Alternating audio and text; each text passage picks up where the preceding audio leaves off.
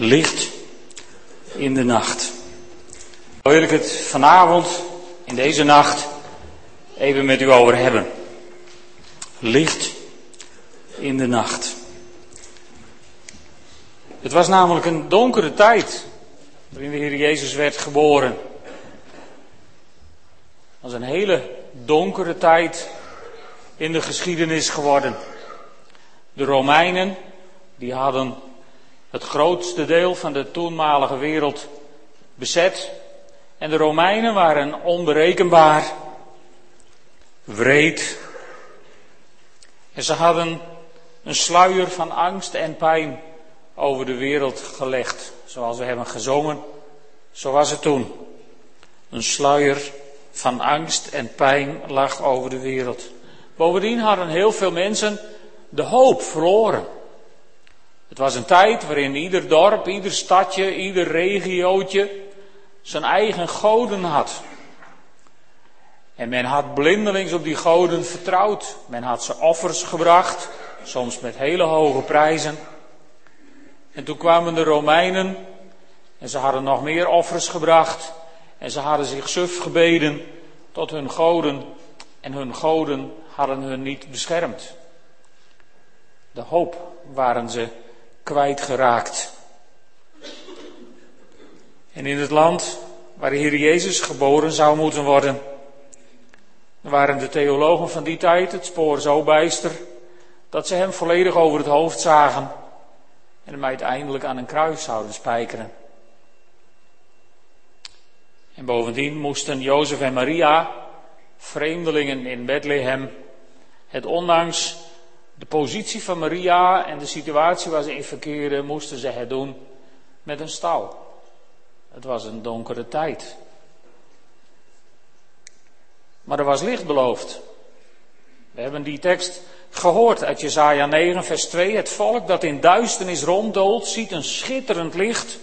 En zij die in het donker wonen, worden door een helder licht beschenen. Er was licht beloofd. Maar ja, hoe lang wachten ze daar al niet op? Ook die hoop waren ze misschien voor een groot deel wel verloren. En toen plotseling was er licht. In het kerstverhaal lezen we dat er opeens een engel van de Heer bij de herder stond en dat ze omgeven werden door een stralend licht, het stralende licht van de Heer. Plotseling was er licht in de nacht. En zo werd het uitschot van de maatschappij als eerste uitgenodigd om op kraamvisite te komen.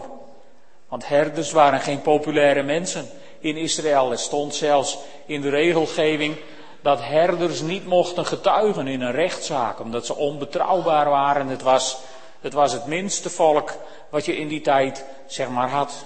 Als niemand je wilde hebben, dan werd je uiteindelijk misschien wel herder. Maar zij mochten als eerste op kraamvisite komen bij de Heer Jezus. En na een poosje duiken er dan van die vreemd geklede figuren op uit een ander land, op kamelen, magiërs, wijzen worden ze in onze Bijbelvertalingen genoemd. Ze waren waarschijnlijk ook in hun materie heel wijs, maar het waren magiërs. Mensen die de toekomst lazen uit de sterren. En ze hadden de ster zien opgaan, waaruit ze opmaakten dat er in het volk van Juda een koning was geboren. Werkt het dan, lezen in de sterren? Nou, laat ik het zo zeggen, als God het nodig vindt dat het werkt om je wat duidelijk te maken, dan werkt het. Maar dat is ook de enige situatie waarin het werkt, volgens mij. Dus er was plotseling licht in die donkere tijd. En wat een parallel is er dan met de tijd van vandaag. Want ook vandaag de dag leven we in een donkere tijd. Mensen die geen werk hebben zijn in nood. En veel mensen die wel werk hebben, die zijn bang het te verliezen. Mensen die geen geld hebben, zijn in nood. Mensen die wel geld hebben, vrezen het vervolg op de kredietcrisis. En maken zich daar zorgen over. Mensen die geen water hebben, sterven van de dorst. En mensen die te veel water hebben, verdrinken erin. En als de wereldleiders er dan met elkaar over praten, zijn ze niet in staat om tot een goede oplossing te komen en mislukt de klimaattop. En de hele wereld is zo langzamerhand doodsbenauwd voor het stijgen van de zeespiegel. En toen dacht ik, waar heb ik dat eerder gelezen? Waar heb ik dat toch eerder gezien? En dat is heel aardig in Lucas 21, vers 25. Daar heeft Jezus het erover. Hij zegt, op aarde zullen de volken sidderen van angst voor het gebulder en het geweld van de zee. En toen had Jezus het over de eindtijd. En wat maken wij ons vandaag de dag niet druk tot in de Verenigde Naties toe over de zee? Zo laat kon het wel eens zijn op de tijdkalender van God. En uh, hoeveel mensen zijn vandaag de dag hun geloof verloren of hebben besloten het maar aan de wilgen te hangen omdat je er toch niks aan hebt. Massa's mensen. Er is tegenwoordig weer net zo'n religieus vacuüm op aarde dan in de tijd waarin de Heer Jezus werd geboren. En hoeveel theologen zijn vandaag de dag het spoor niet bijster. Als mensen tegen je zeggen: Ik heb niks met Jezus Christus, ik heb niks met verzoening, want ik ben een goed mens en ik doe het prima. En je hebt dan ook nog een titel in de theologie. Dan ben je toch het spoor redelijk bijster in mijn ogen. En, en hoe gaan we om met vreemdelingen? Jozef en Maria moesten het doen met een stal. Maar dat was tenminste nog een stal. Hier zijn mensen die moeten het doen met een fietstunnel. En als ik dan moest kiezen, dan weet ik nog niet wat ik zou kiezen. En hoeveel Nederlanders, waaronder ook christenen, beweren niet dat dit land vol is en dat we veel harder moeten optreden tegen vreemdelingen. Vinden velen van ons onze herberg tegenwoordig ook niet vol? Voorwaar, het is een donkere tijd waar we in leven. Maar er is nog steeds licht. Want dat kind wat geboren werd in de kerstnacht, waar, waar we vandaag en morgen bij stilstaan en de afgelopen dagen ook telkens al. Dat kind is groot geworden en die heeft op een dag gezegd: Ik ben het licht voor de wereld. En wie mij volgt, loopt nooit meer, dat moet je even goed lezen, loopt nooit meer in de duisternis. Maar heeft licht dat leven geeft. Die uitdaging dan zou ik u vanavond even bij willen stilzetten. Hebt u licht wat leven geeft? Zijn wij als Open Thuisgemeente in Drachten, zijn wij dragers van dat licht wat leven geeft aan de mensen? Bent u in uw privésituatie een drager van dat licht wat leven geeft? Het is een donkere tijd. Er is veel nood onder de mensen. Er is een religieus vacuüm in deze wereld. En een vacuüm is makkelijk te vullen. Alles wat je ervoor houdt gaat erin. En daarom bezoeken veel van dit soort mensen paranormale beurzen en allerhande occulte wijzen uit het oosten, zou je kunnen zeggen. En waar zijn wij als kerk? Waar, waar, ja, waar zijn u en ik, als we zulke mensen ontmoeten en ermee in gesprek raken, dragen wij dan het licht dat leven geeft. Het is een donkere tijd. En dat licht wat leven geeft, is nodiger dan ooit. Maar misschien laat u zich wijsmaken dat we bezig zijn om uit het dal van de kredietcrisis te klimmen. En misschien laat u zich wijsmaken door sommige mensen die zeggen, ah, maar met het klimaat, dat valt allemaal wel wat mee en dat komt allemaal helemaal goed. Misschien laten zich wijsmaken door sommige politici dat als we alle vreemdelingen het land nu maar uitgooien, dat het dan helemaal weer klaar komt en dat er betere tijden komen. Maar laat u zich het niet wijsmaken.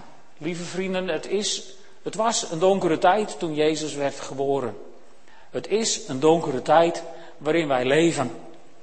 En ik wil jullie kerst niet vergalen maar het blijft een donkere tijd. De tijd wordt hooguit donkerder. Lees wat de Heer Jezus over de eindtijd heeft gezegd. Lees wat de Bijbel verder over de eindtijd heeft gezegd. Het wordt alleen maar donkerder. Alleen er is één troost die wij met elkaar hebben. Niemand kan het licht uitdoen. Niemand. De communisten in Noord-Korea niet. Marilyn Manson niet met zijn concert wat hij in Nederland gegeven heeft, als het überhaupt door is gegaan. Ik heb er niks van gelezen. Niemand kan het licht uitdoen. Ook de situaties in jouw leven kunnen het licht niet uitdoen. Al zou je je baan verliezen. Al zou het financieel heel slecht met je gaan. Al, al, al, al breekt gezondheid je bij de handen om af. Al moet je dierbaren verliezen. Niemand kan het licht uitdoen. Want het kind van het licht heeft gezegd: Niemand zal meer in duisternis wandelen, want ik ben het licht der wereld. In die troost mogen wij in dit leven staan. Donker of niet donker. Want er is ook licht in de nacht gekomen. En dat licht in de nacht, dat gaat op een dag alleen maar sterker worden.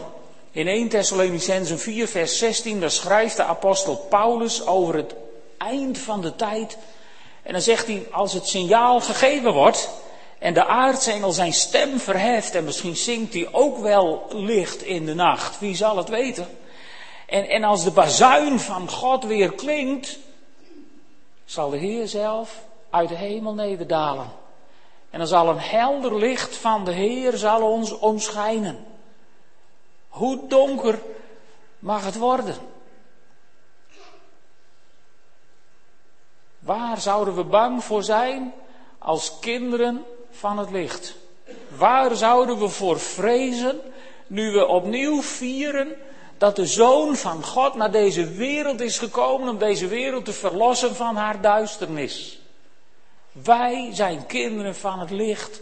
En dat kind van het licht heeft gezegd: Jullie zullen nooit meer in duisternis wandelen.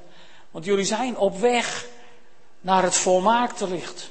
Als Jezus terugkomt. Maar dat moet je wel geloven.